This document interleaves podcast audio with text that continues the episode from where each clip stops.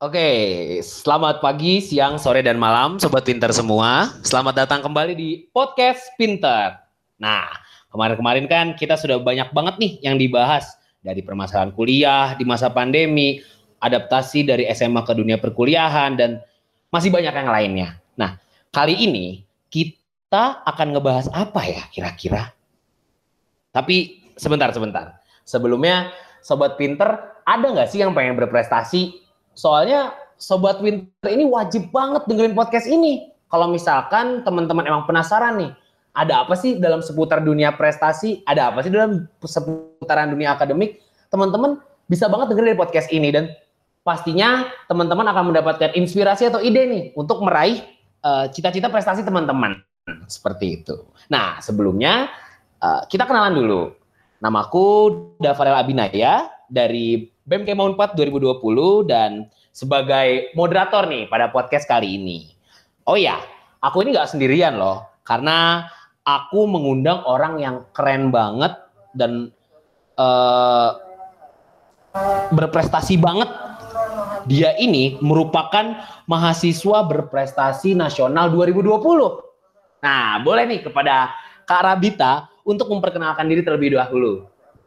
Mangga Kak Rabita, Halo? Terima kasih, Dava. Halo teman-teman semuanya. Nama saya Rabita Madina, biasa dipanggil Bita. Saat ini saya mahasiswa semester 7 di di Fakultas Hukum Universitas Gajah Mada dan saat ini juga lagi menjabat sebagai mahasiswa berprestasi utama eh, Republik Indonesia kategori sarjana. Salam kenal semuanya. Oke, salam kenal Kak Rabita. Nah, di sini aku nih punya banyak pertanyaan loh Kak buat Karabita dan tentunya Karabita udah siap belum? Siap siap boleh eh, kita mulai. Oke. Nah yang pertama nih kak, sebelumnya aku nih cukup penasaran. Kan Karabita ini dari Fakultas Hukum ya kak? Fakultas Hukum? Betul, dari ah, Fakultas okay. Hukum. Nah selama ini uh, apa sih yang Karabita lakukan? Maksudnya kegiatan atau lomba apa aja nih yang memang akhirnya Karabita selalu ikuti? Karena kan e, ketika menjadi Mapres nasional itu pastinya ada apa ya syarat-syarat atau misalkan harus mengikuti lomba-lomba apa dulu nih seperti itu. Nah, apakah Karabita ini ikutnya di lomba debat kah atau conference kah atau yang seperti apa kak? Oke, kalau untuk kegiatan di Fakultas Hukum itu sebenarnya cukup apa ya, cukup uh, berputar pada satu bidang, yaitu namanya Lomba Peradilan Semu atau biasa dikenal dengan Moot Court Competition, di mana ini uh, langganan anak hukum lah. Anak hukum tuh kalau lomba pasti lomba Moot Court Competition. Jadi uh, kemarin itu yang dipakai untuk ikutan Pilmapres ya hampir semuanya itu prestasi dari lomba Moot Court Competition di berbagai macam ajang gitu ya untuk uh, di luar lomba organisasi pun aku selama ini hanya pernah ikut satu organisasi di Fakultas Hukum UGM yaitu Komunitas Peradilan Semu Internasional. Jadi ya di situ-situ aja sih mungkin ag agak kurang beragam juga ya tapi maksudnya kalau untuk anak hukum ya kita mainannya di ranah peradilan semu pastinya gitu Dava. Oh, berarti memang Karabita ini uh, udah bisa dikatakan passionate dan tracknya memang dari kompetisi sering mengikuti kompetisi moot court ya. Betul, betul. Okay. Nah, menurut Karabita nih, misalkan dari selama mengikuti kompetisi mood court ini, ada nggak sih yang paling benar-benar berkesan menurut Karabita? Dari semua mood court yang pernah diikuti, kayaknya paling berkesan itu uh, tahun 2019. Itu di tahun itu aku ikut mood court namanya International Criminal Court Moot Court Competition yang diadakannya di Den Haag di Belanda. Kebetulan itu juga yang uh, paling apa ya, paling uh, berkesan dan juga yang prestasinya paling tinggi yang kemarin dipakai untuk seleksi Pilmapres. Alhamdulillah uh, timnya itu peringkat dua internasional dan secara individu pun dapat penghargaan sebagai pengacara terbaik. Jadi highlightnya itu sih dari dari semua moot court competition yang paling berkesan yang itu yang tahun 2019 itu. Oke, berarti memang secara pengalamannya juga sampai internasional ya, Karabita ini sampai ke Den Haag dan mengikuti kompetisi. Alhamdulillah. Dan temu iya. keren, keren, keren banget ya. Tentunya ini bisa dapat menginspirasi nih teman-teman mungkin kayak mau Unpad yang mendengar, wah ternyata apalagi juga sebenarnya di Unpad ini pastinya juga ada uh, mood court juga uh, Terabita di Fakultas Hukum yang mungkin aja mungkin teman-teman Fakultas Hukum bisa jadi terinspirasi nih oleh apa yang dilakukan oleh Karabita dan mungkin mood court Unpad pun juga bisa uh, internasional seperti itu. Nah, selanjutnya nih Karabita, uh, menurut Karabita nih, ini agak filosofis nih ya Kak ya. Kira-kira tujuan dari berprestasi itu apa sih menurut Karabita? Oke, pertanyaan yang sangat menarik ya. Sebenarnya kalau untuk aku pribadi yang memotivasi untuk berprestasi itu prosesnya, proses yang akan aku dapetin ketika aku ikut suatu lomba gitu ya. Jadi ketika orang bicara prestasi pasti kan yang ada di pikiran mereka oh prestasi sama dengan juara gitu, juara sesuatu. Tapi bagi aku prestasi sama dengan pengalamannya dulu gitu. Mau menang atau enggak dapet title atau enggak itu terakhir uh, peradilan contohnya misalnya yang 2019 tadi yang aku jelasin lomba yang di Belanda itu kita bermain di ranah hukum pidana internasional sangat jarang uh, ada materi itu di kurikulum fakultas hukum di mana pun di Indonesia proses uh, persiapan lombanya kurang lebih uh, 8 bulan. Jadi 8 bulan itu kita belajar tentang hukum pidana internasional yang di ruang kelas itu materinya nggak bisa didapetin. Nah, pengalaman 8 bulan itu yang memotivasi aku untuk berprestasi dan prestasi yang aku maksud adalah pengalamannya bukan juaranya gitu. Aku mau mendapatkan exposure yang nggak bisa didapetin di ruang kelas, nggak bisa dicari di kurikulum fakultas hukum mana pun itu nggak bisa dicari dan pengalamannya cuma bisa didapetin dari ikut lomba gitu. Jadi uh, motivasi nomor satu tentunya mau mencari pengalaman yang baru ya, yang nggak bisa ditemukan di kegiatan apa pun kecuali aku mengikuti lomba mood court competition itu. Mungkin oh, okay. secondary-nya ya bisa untuk self actualization juga gitu ya. Mungkin mau nambah-nambah CV boleh, tapi kalau bagi aku nomor satu adalah ya pengalamannya itu nggak bisa dicari di tempat lain gitu kecuali aku ikut lomba itu. Oke, okay, betul betul ya. Uh, bener banget nih kata Rabita. Memang, memang akhirnya tentang prestasi ini yang kita tujukan atau yang kita sasar ya memang dalam pengalaman ya. Karena mungkin istilah menang kalah juga udah biasa kali ya, Teh. Maksudnya yang penting memang si substansi dari prestasi tersebut yang mana kita dapat seperti Teh Rabita tadi mendapatkan ilmu yang akhirnya hukum inter, uh, hukum pidana internasional yang mana secara di kurikulum di Fakultas Hukum UGM mungkin belum ada tapi uh, Teh Rabita mendapatkan itu dari uh, kompetisi yang diikuti di Den Haag. Wah, cukup uh, apa ya inspiratif banget ya dan mungkin ini juga jadi referensi mungkin ya buat tadi juga aku sempat mention ke teman-teman yang emang tertarik mungkin dalam kompetisi mood court uh, juga bisa jadi oh iya ya hukum pidana internasional apakah ada nih? Jadi dicek lagi nih kurikulumnya seperti itu. Uh, mungkin selanjutnya nih teh ini kita tahu kondisi sekarang ya teh. Maksudnya sekarang ada pandemi COVID-19 yang memang akhirnya melanda kerana negara kota bahkan ke titik terkecil kampus pun uh, merasakan akibatnya gitu ya.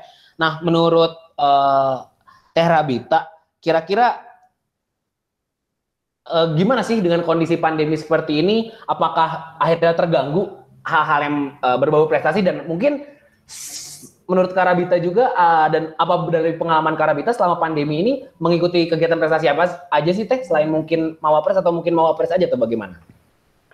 Oke, jadi kalau misalnya kita bahas pandemi, apakah terganggu atau enggak? Tentu ya jawabannya iya, pasti terganggu lah ya. Kita juga bisa lihat dari kompetisi itu banyak yang di cancel atau misalnya ada kompetisi dijadiin online, itu kan tentu pengalamannya beda banget. Kita jadi nggak bisa kenalan karena sama sama partisipan yang lain. Jadi apakah pandemi ini mempengaruhi? Itu sangat amat mempengaruhi. Tapi kayaknya kalau kita lihat nih ya, uh, the bigger picture, frame yang lebih besarnya gini. Uh, kalau bagi aku pribadi, cara aku mengukur target-target aku adalah uh, target jangka pendek aku itu sebisa mungkin menopang uh, supaya aku bisa memiliki target jangka panjang yang lebih mudah dicapai apabila uh, jangka pendek itu udah uh, tercapai. Contohnya gini misalnya, banyak orang bilang oh selama kuliah aku pengen berprestasi nih, pengen lomba A, B, C. Kalau bisa lomba A, B, C ini juara satu gitu ya. Tapi pertanyaannya, hidup kan kuliah itu kan cuma 4 tahun ya. Kuliah itu cuma 4 5 tahun lah, eh, katakanlah idealnya segitu. Nah, misalnya kita punya goal nih, selama kita mahasiswa kita mau jadi ABC. Nanti kalau misalnya kita udah lulus, kita kan udah bukan jadi mahasiswa lagi. Banyak orang yang uh, stuck pada ide bahwa idealnya adalah menjadi mahasiswa berprestasi, tapi mereka lupa nanti kita tuh nggak sampai jadi mahasiswa. Prestasi itu tuh manfaatnya apa sih ketika nanti kita udah nggak jadi mahasiswa? gitu kan karena yang berjaya ketika masuk kuliah belum tentu bisa berjaya di tempat kerja gitu ketika udah jadi fresh graduate uh, maksudnya ketika misalnya jadi mapres di di universitasnya masing-masing. Nanti kalau udah jadi fresh graduate cari kerja, apakah bisa berjaya lagi di, tem di tempat kerja itu belum tentu juga kan.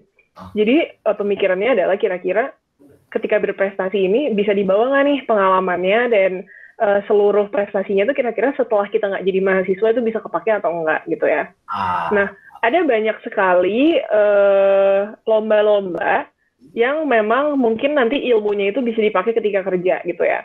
Atau misalnya kalau misalnya menang lombanya di lomba yang diadakan oleh Kemenlu, misalnya nanti ada kemungkinan akan keterima Kemenlu-nya jauh lebih tinggi misalnya ya. Hmm. Itu bagus tuh kayak gitu. Nah, sekarang kita dikasih situasi pandemi, di mana berprestasi itu terbatas gitu ya kesempatannya. Dari mulai lomba online sampai mungkin lomba-lomba yang biasanya diadakan tiap tahun itu ditiadakan gitu. Tapi pertanyaannya itu baik lagi gini, sebenarnya prestasi yang kita incer itu tuh bisa dibawa atau enggak setelah kita lulus gitu ya bisa dibawa atau enggak setelah kita lulus sebenarnya kalau misalnya pemikirannya kayak aku yang jangka panjang apa yang aku dapatkan di perkuliahan harus bisa dibawa juga ke tempat kerja aku nanti setelah aku lulus itu sebenarnya berprestasi dalam konteks lomba itu bukan satu-satunya cara supaya kita bisa mengisi waktu. Okay. Contohnya masih bisa magang gitu kan, kita bisa magang di banyak tempat dan uh, magang itu kan tetap terbuka juga ya uh, apa namanya opportunity-nya walaupun mungkin WFH. Malah sisi baiknya adalah ya yang tadinya mungkin harus ngerantau untuk cari tempat magang di Jakarta, sekarang bisa WFH di Bandung atau di Jogja gitu. Jadi jangan terlalu uh, tersuap mindset bahwa yang penting dari menjadi mahasiswa adalah menang lomba, menang lomba, menang lomba gitu. Karena lomba itu hanya satu dari ribuan pilihan lainnya gitu. Kalau sekiranya sekarang ketika masa pandemi agak seret nih kesempatan untuk lombanya dan sekiranya agak sulit untuk mencari opportunity di bidang perlombaan, maka nggak ada salahnya cari uh, kesempatan lain gitu yang mungkin pengalamannya juga sangat bermanfaat. Contohnya bisa magang, bisa WFH gitu ya, atau kerja part time di mana gitu. Menurut aku itu nggak kalah berharga dibanding berprestasi di sebuah perlombaan gitu, Dava. Ah, oke okay, oke. Okay.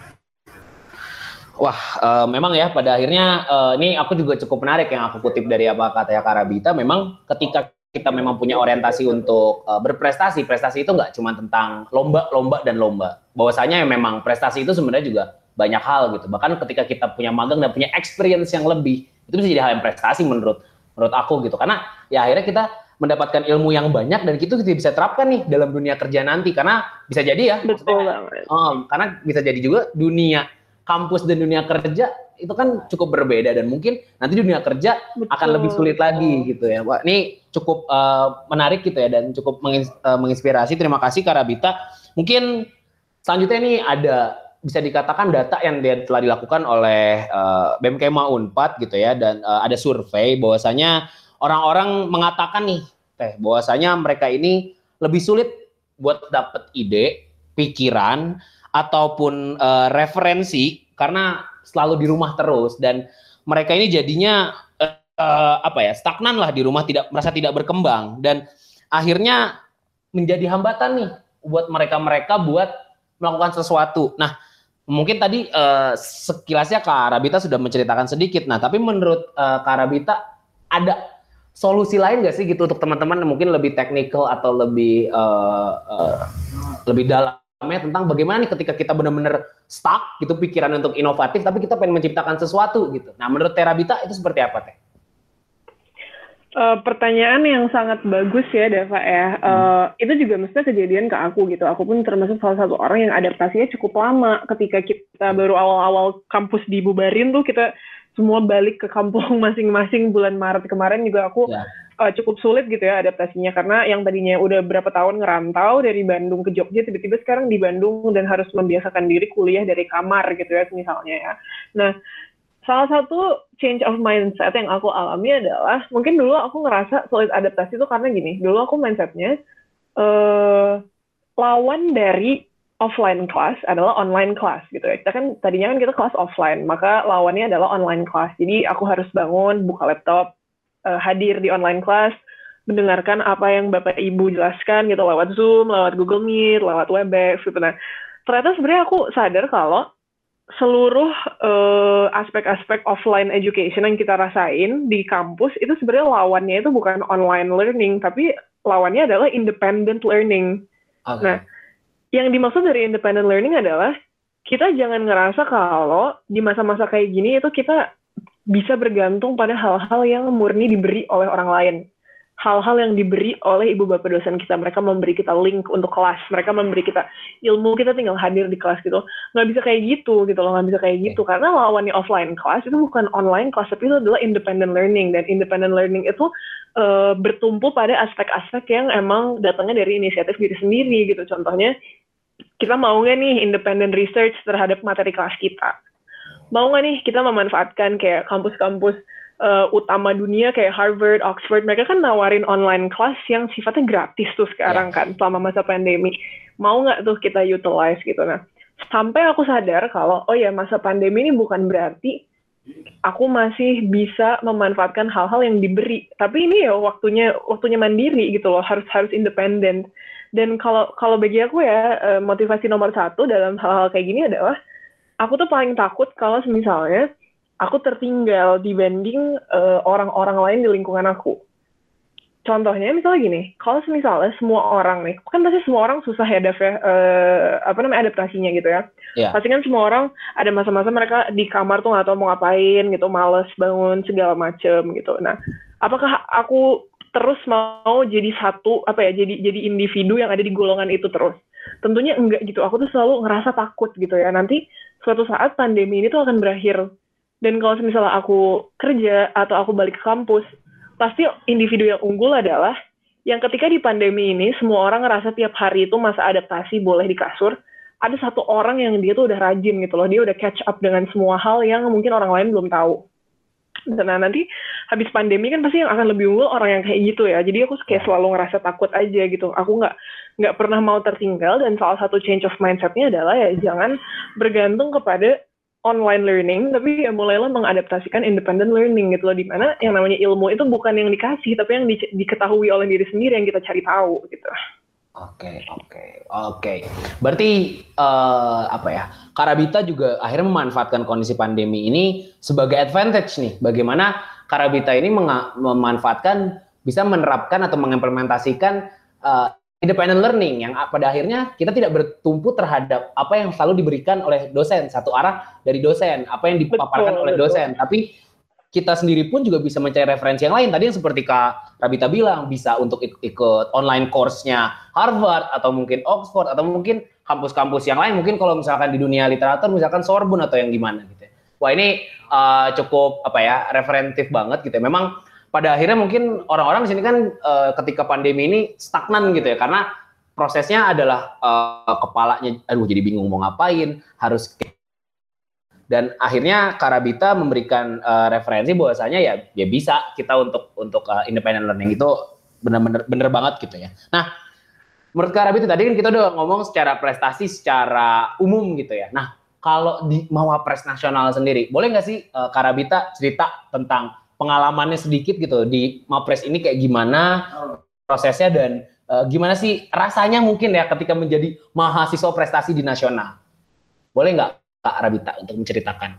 Halo? Uh, Sebenarnya menurut aku yang namanya gelar Mapres itu bukan suatu gelar yang perlu diglorify ya. Uh, eh, okay. Dan ini kayak maksudnya buka-bukaan aja menurut aku ada ada beberapa orang yang aku temui di saat aku berproses menjadi Mapres. Nah itu kan prosesnya kan dari seleksi fakultas ke seleksi universitas ke seleksi nasional gitu ya mungkin aku tuh ketemu beberapa individu yang sepertinya itu mengejar gelar mapres ini hidup atau mati untuk mereka gitu loh okay, okay. kayak wah ini ini uh, goal aku nih selama kuliah aku harus banget lulus mendapatkan gelar mapres ini gitu. Oh. Sebenarnya aku kalau kalau dibilang aku sangat amat bertolak belakang dengan orang-orang yang mindset kayak gitu. Aku waktu itu mindsetnya uh, mari kita coba dan kalau misalnya mau coba ya dimaksimalkan sekalian gitu. Tapi kalau misalnya hasilnya nggak sesuai ekspektasi ya itu di luar kontrol aku karena aku tahu yang namanya hasil itu ya nggak bisa dikontrol gitu. Jadi aku nggak akan uh, stres akan hal-hal yang nggak bisa aku kontrol. Ya udah selama aku deh coba maksimal kalau emang layak ya nanti hasilnya akan mengikuti gitu ya.